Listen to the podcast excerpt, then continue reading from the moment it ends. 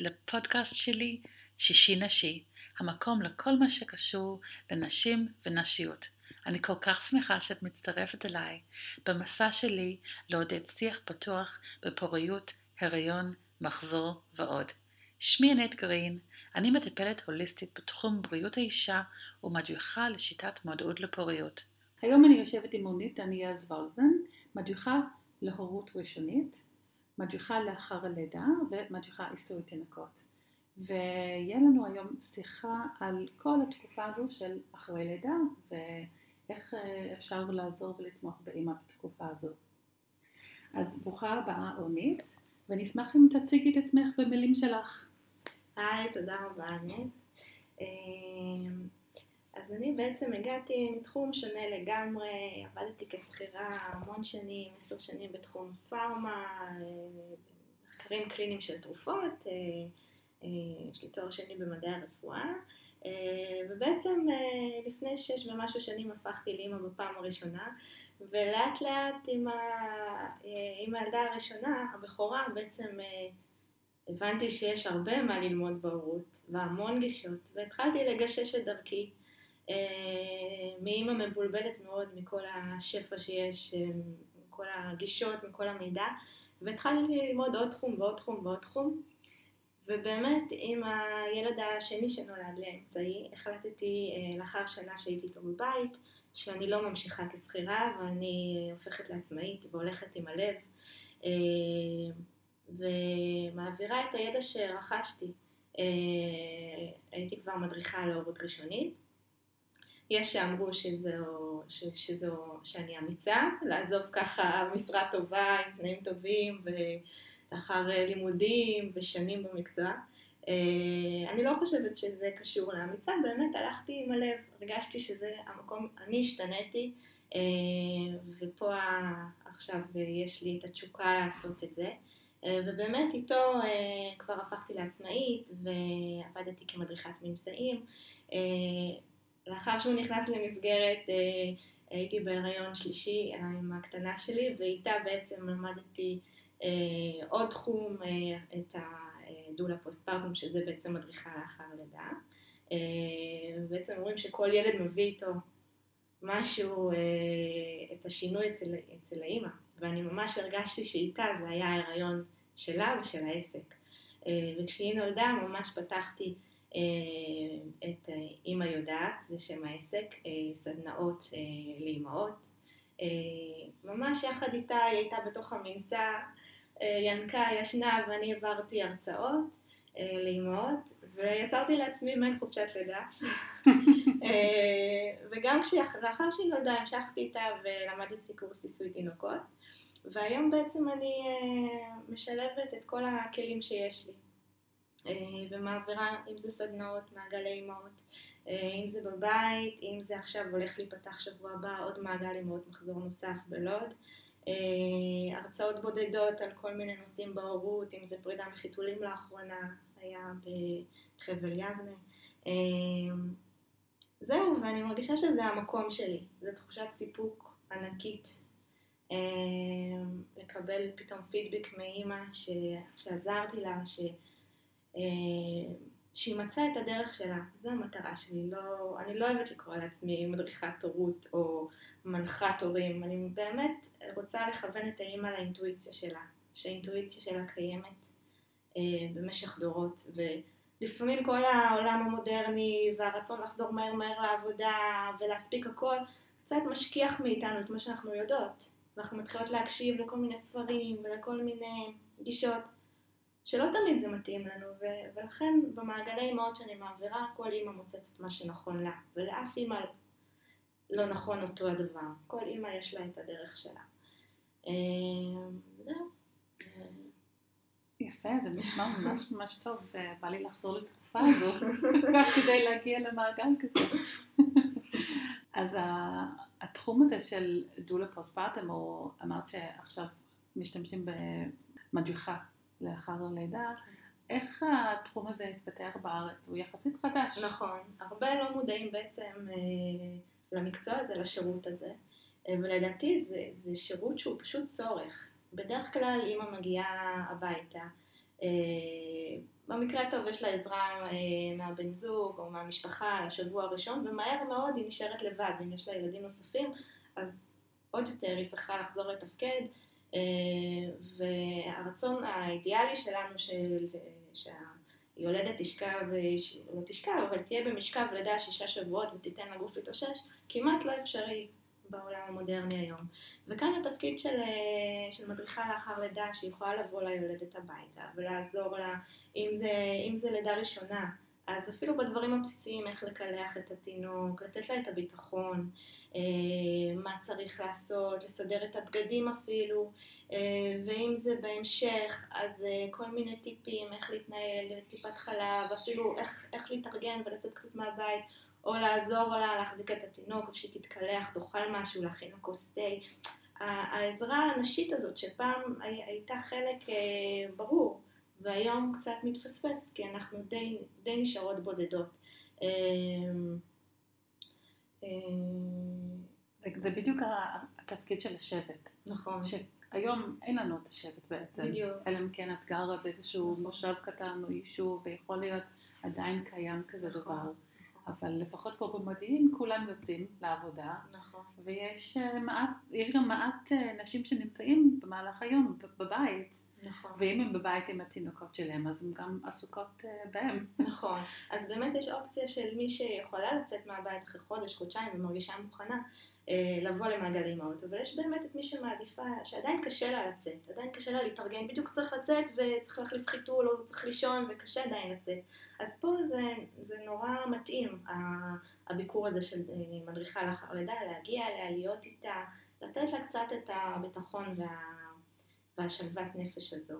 אה, מה שאני נורא מאמינה, אני נורא מאמינה בשירות הזה, מכיוון שהוא, שמי שמגיעה ליולדת הביתה היא מישהי מקצועית.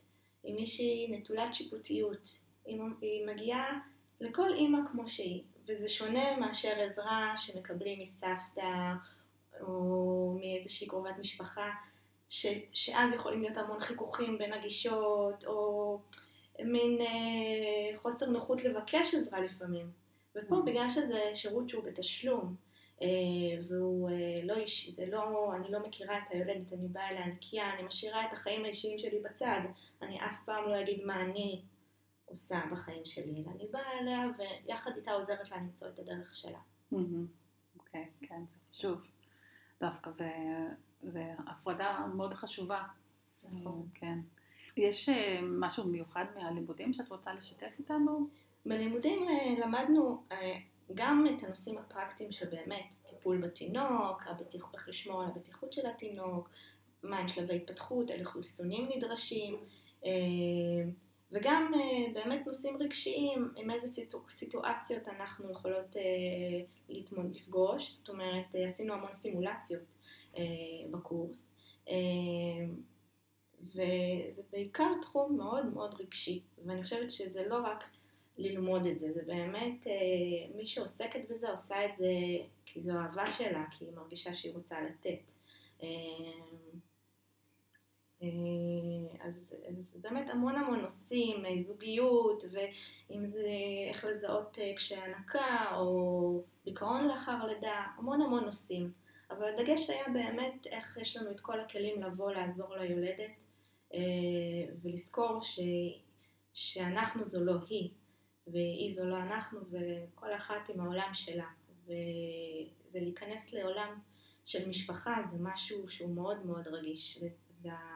וצריך להיות אה, בן אדם עם הרגישות הזו, לעשות את זה.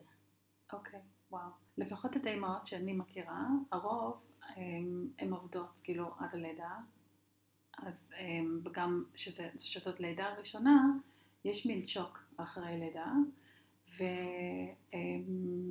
והרבה בלבול וגם שינוי מאוד דרמטי מעבודה, והכל כאילו יש מסגרת מאוד ברורה מה עושים בכל שעות היום, ופתאום אימא בבית עם תינוק ואין סדר יום, ואפילו קשה להבדיל בין יום ולילה בתקופה הזו. נכון.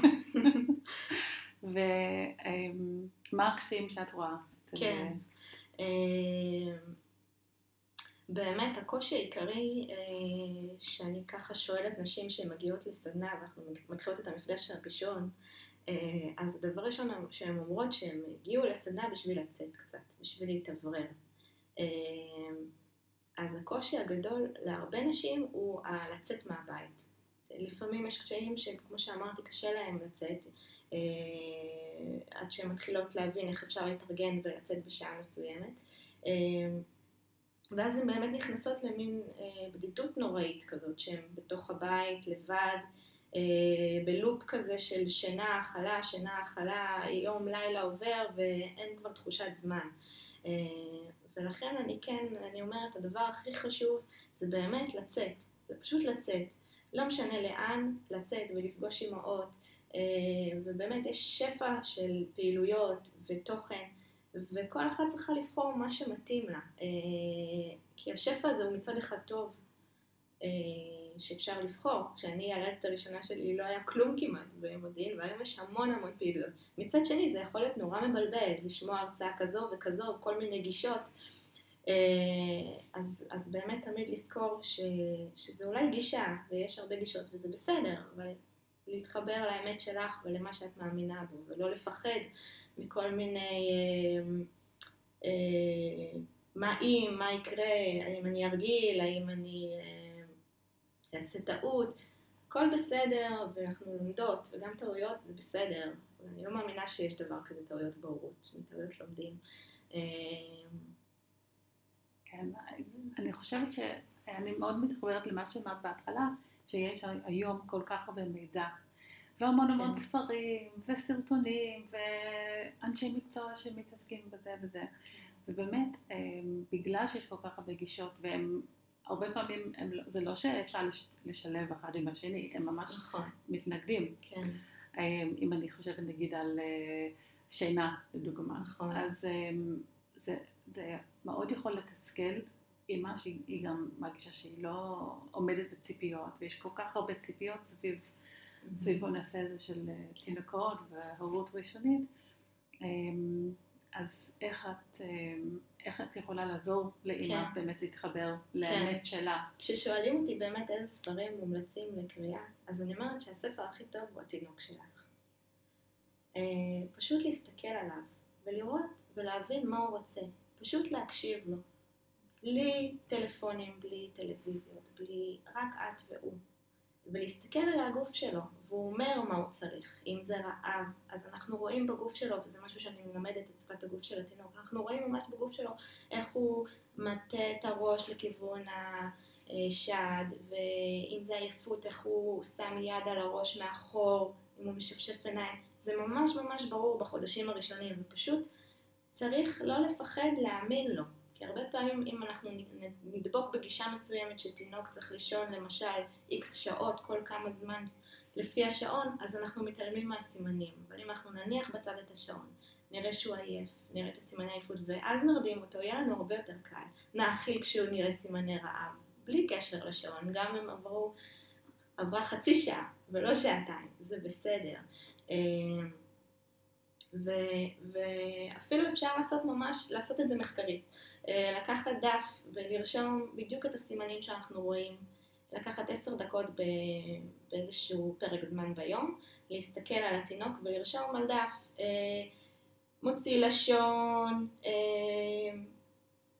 נוגע בראש, מזיז רגל, ממש כל סימן וסימן שהגוף עושה, ואז אנחנו נראה מה קרה אחר כך. אם אחרי הסימן הזה הוא הלך לישון, וזה כל יום חוזר על עצמו שזה הסימן שהוא עושה, סימן שזה סימני העייפות שלו. אה, וזה, לי זה שינה את ההורות שעשיתי את זה עם הילד השני, ועכשיו אני עושה, עשיתי את זה עם השלישית, ממש מגיל לידה, אה, וזה מדהים, עכשיו היא בת שנה וחודשיים, והיא מסמנת שהיא צריכה להתפנות, היא נוגעת בחיתול או על הבטן, באזור הבטן, ועכשיו היא הולכת, אז היא למדה ללכת, לכיוון השירותים. Mm. ונכון, היא צריכה את העזרה של לשים אותה, אבל היא, היא אמרה לי שיש לה, והלכה ועשתה, ואני לא התעלמתי מהסימן, זאת אומרת, יכולתי להתעלם, וזהו, אבל אני, אני נורא, אני כן לוקחת את זה, ואני מקשיבה לה, ואז יש פה מין תקשורת כזו, שרק מתעצמת, ואני מבינה אותה, מה היא רוצה גם בלי מילים. זה מדהים, זה פשוט מדהים. אה, עשיתי את זה גם עם השני וגם עם השלישית שלי, ו... וזה פשוט כיף, ו... וזה לא משהו שחייב גם לקחת אותו בקיצוניות, זאת אומרת, יש ימים שאני עם הילדים, ואין לי את הקשב הזה, בפניות הזאת. אז בסדר, אז היא תהיה יותר עם חיתול מאשר כשאנחנו בבית והיא יכולה להיות בלי. אז גם כל אחת לקחת את זה לכיוון שהיא יכולה, שהיא רוצה. אז זה נשמע לי שאת משתמשת גם בכלים שהיו לך מהמקצוע הקודם, המחקר. נכון. ואת מביאה את הכלים נכון, האלו גם נכון, לתחום נכון. הזה. נכון. אמ, וגם, מה, מה יש לך להגיד על הש, השינויים או ההבדלים בין אה, ילדים שלך, נגיד? כן. בתור אימא של שלושה ילדים, אז בטח את כן. שמה לב להבדלים בין הילדים שלך. המון, נכון. יש הבדל עצום בין ילד לילד, וגם בין תינוקות שאני רואה. אה, שאני עושה סדנאות ואני רואה את ה...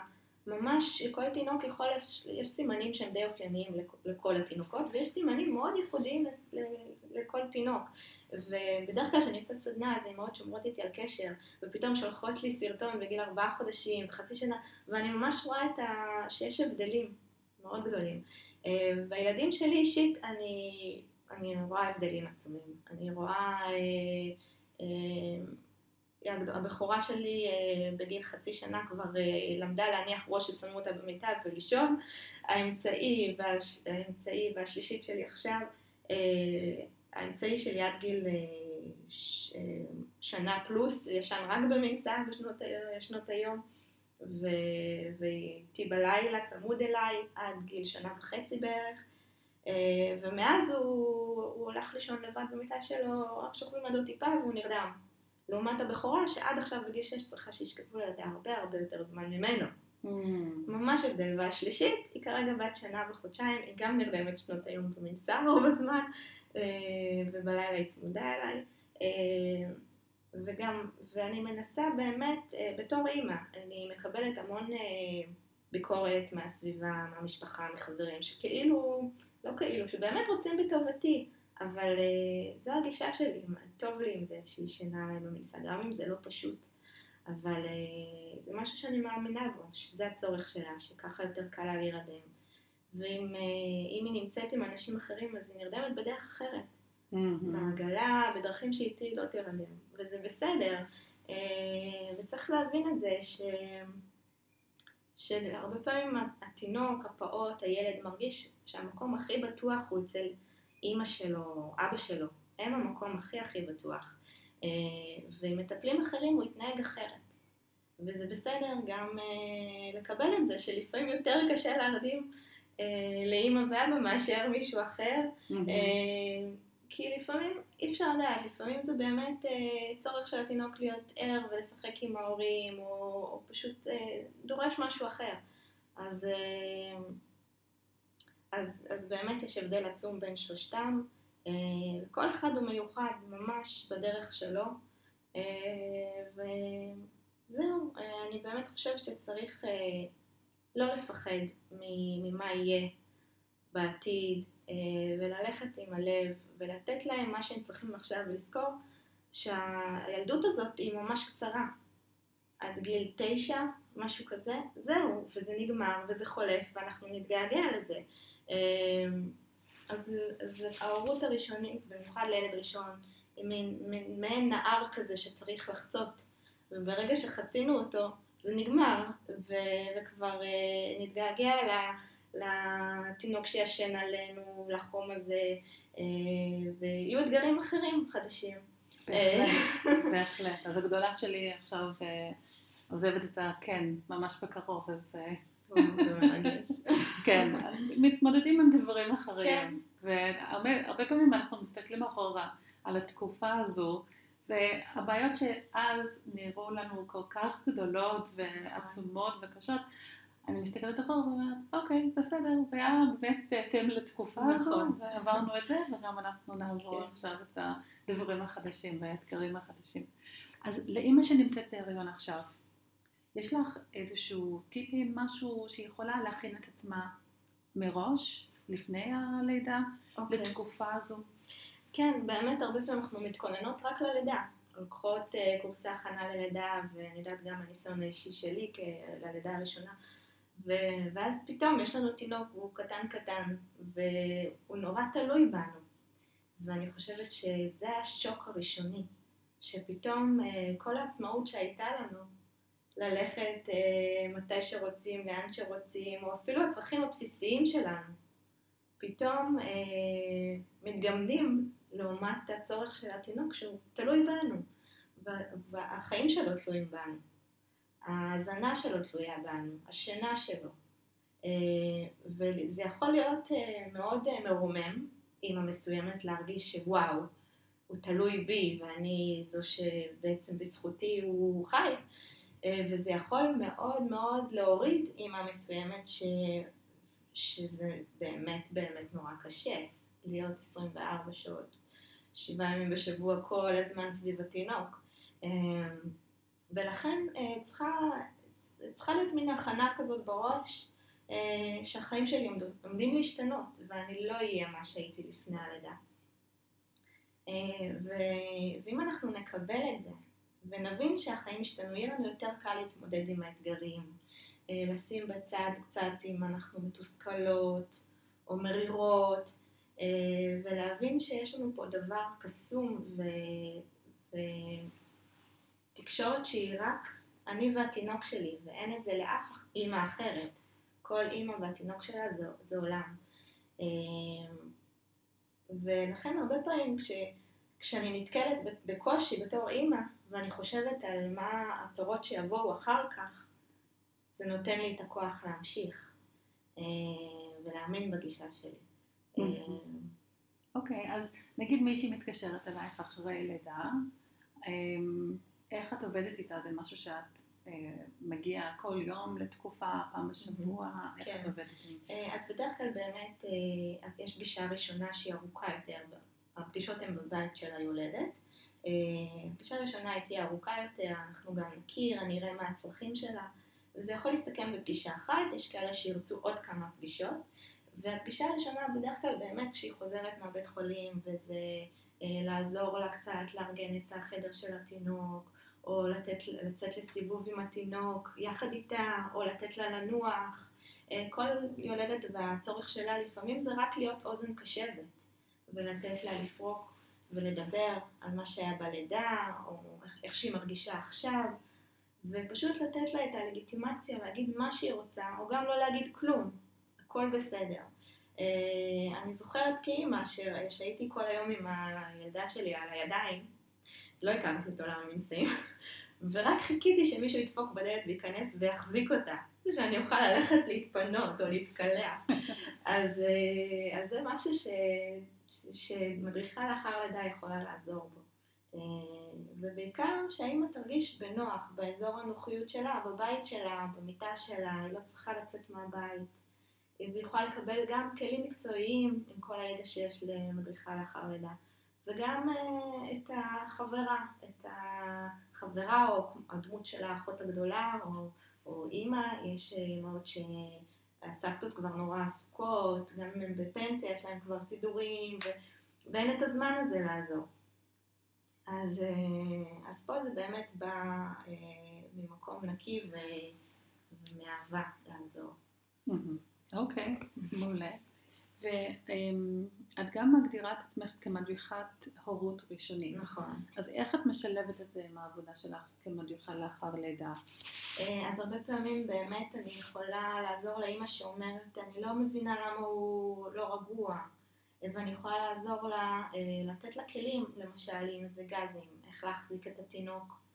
אפשר להחזיק אותו במנח מסוים אה, עם הגב שלו אלינו, לבטן שלנו, וקצת להרים לו את הרגליים ולגעת בבטן, מין תנוחה כזאת ש, שיכולה לעזור לו אה, בעניין הגזים. אני יכולה, אני משלבת גם קצת כלים מה, אה, מהעולם של עיסוי תינוקות, קצת איך לעשות את הבטן, מה, מה יכול להיות כעזרה ראשונה למקרים של גזים, וגם איך לזהות בעצם שמה שיש לו לפי שפת הגוף זה גזים, או שזה רעב, או שזה עניין של ניהול ההנקה, mm. או שזה בכלל עייפות, והוא בוכה, אה, ולעזור לה לזהות מה הוא צריך, וגם לתת לה אה, אה, כלים נפשיים להבין שגם אם התינוק בוכה ואת לא מזהה מה התינוק שלך צריך, זה גם בסדר. ולהחזיק אותו כשהוא בוכה זה כבר מענה לתינוק. אנחנו מחזיקים אותו ואנחנו נותנים לו אמפתיה למצב שהוא נמצא, ואנחנו פשוט איתו, אה, וזה הדבר הכי חשוב. Mm. אה, להרגיע ולהגיד שהכל בסדר, והוא לא בוכה בגלל מה שעשית, והוא לא יפסיק לבכות דווקא בגלל מה שעשית, ותינוקות לפעמים בוכים. אה, אני חושבת שאם היו אומרים לי את זה, כאימא ראשונה זה היה מרגיע אותי. Mm-hmm. ולא, ולא להיכנס למין סטרס כזה, שמה אני עושה לא בסדר. כן, משום מה יש לנו נטייה כל הזמן ללכת למה מה נכון, בסדר. הישר, והם רק עולים כל ילד. כן, בדיוק. במ- במעגלים שאת מעבירה, אמ, את גם נוגעת באותם אה, נושאים? או... נכון, אוקיי. כן, כן. אנחנו מדברים קצת על השינוי לאחר לידה, איך אני מרגישה, אה, מה השתנה בי, אם השתנה בי משהו, אה, גם על ההיבטים הפיזיים, ההורמונליים, גם על הרגשיים, גם על, על הבית שלנו שהשתנה, אם זה ילד ראשון, אז מה קורה עם הזוגיות שפתאום קצת מתערערת, פתאום כל אחד מגיע מבית אה, עם ערכים שונים קצת, וצריך אה, דברים שלא אה, התמודדנו איתם לפני הלידה בעצם. אז גם על זה, גם על שפת הגוף אנחנו מדברות, על זיהוי הצרכים, על שינה, שזה נושא כל כך כל כך שנוי במחלוקת, מהכיוון של באמת אני מציגה את כל הגישות שקיימות. אה, אני מסבירה מה עומד מאחורי זה, מה ההשלכות לכל גישה, שכל אחת תבחר מה שמתאים לה. אני לא מציגה גישה מסוימת שאני אה, דוגלת בה. אפשר להבין מתוך המהות שלי במה אני מאמינה, אבל אני לעולם לא אגיד לאימא לעשות א', ב', ג'. אני רק מציגה את האפשרויות.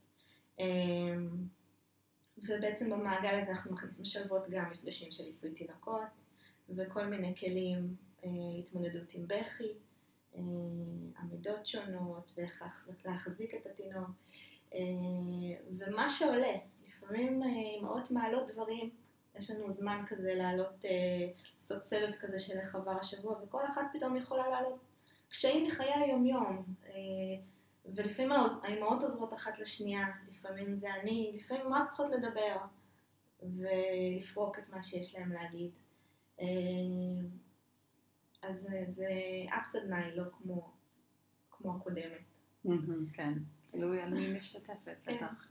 אוקיי, ובאיזה שלב אחרי הלידה אימהות מגיעות? אה, אז יש אימהות אה, שהגיעו ממש שבועיים אחרי הלידה. שזה מאוד מאוד מוקדם. בדרך כלל הן מגיעות, אה, הרוב המוחלט הגיע אה, משהו כמו חודש וחצי, חודשיים, שלושה חודשים. כן. אוקיי. ואת גם מעבירה סדנות לעיסוי תינוקות בנפרד?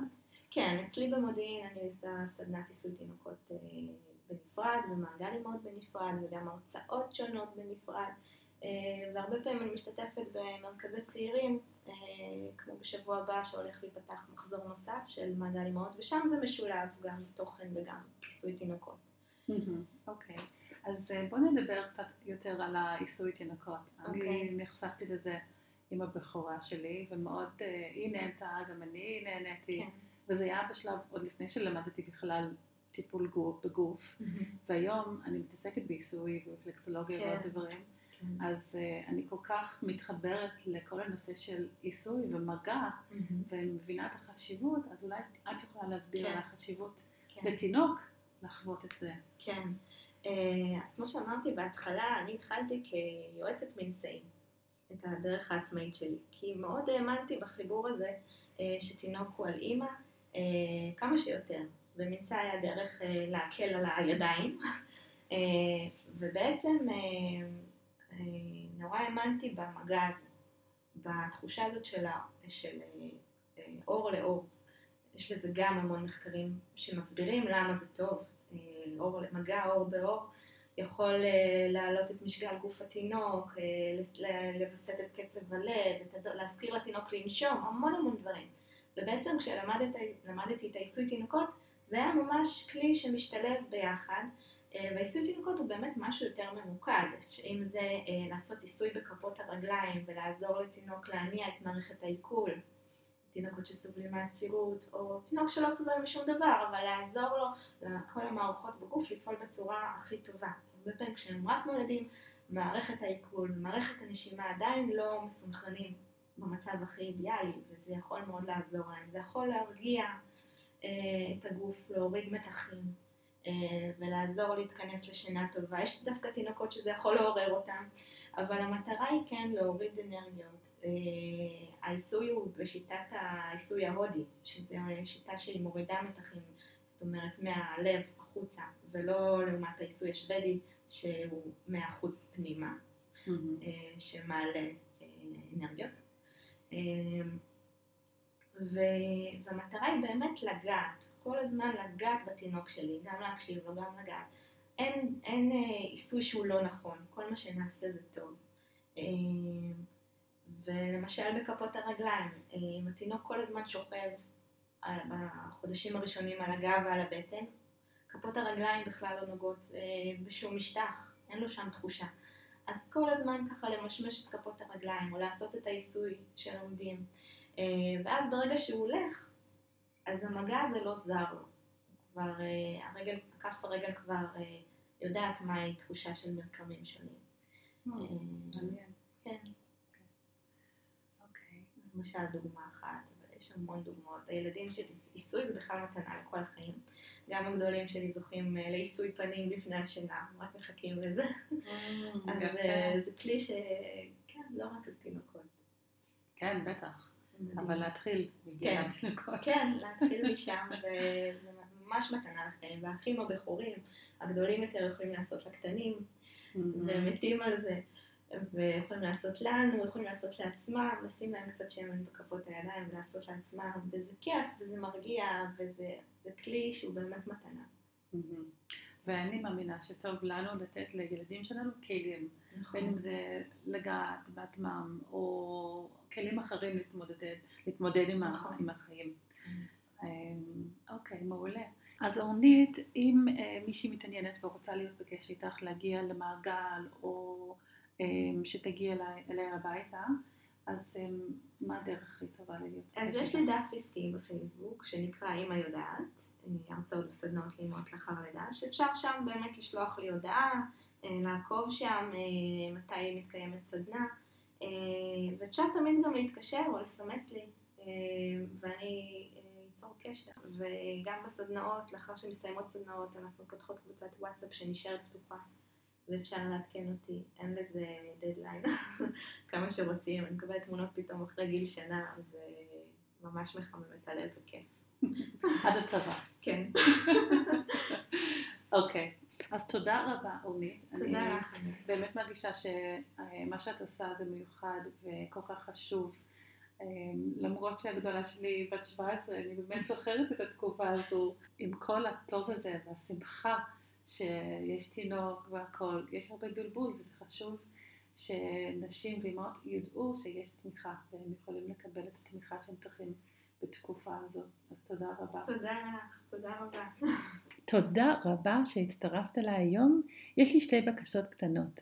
אשמח אם תלחצי על הכפתור subscribe כדי לקבל כל פרק חדש של שישי נשי שיוצא ותשלחי את הפרק לחברה או קרובת משפחה שיכולה ליהנות מזה. תודה רבה ואני מקווה שתצטרפי אליי בפרק הבא של שישי נשי.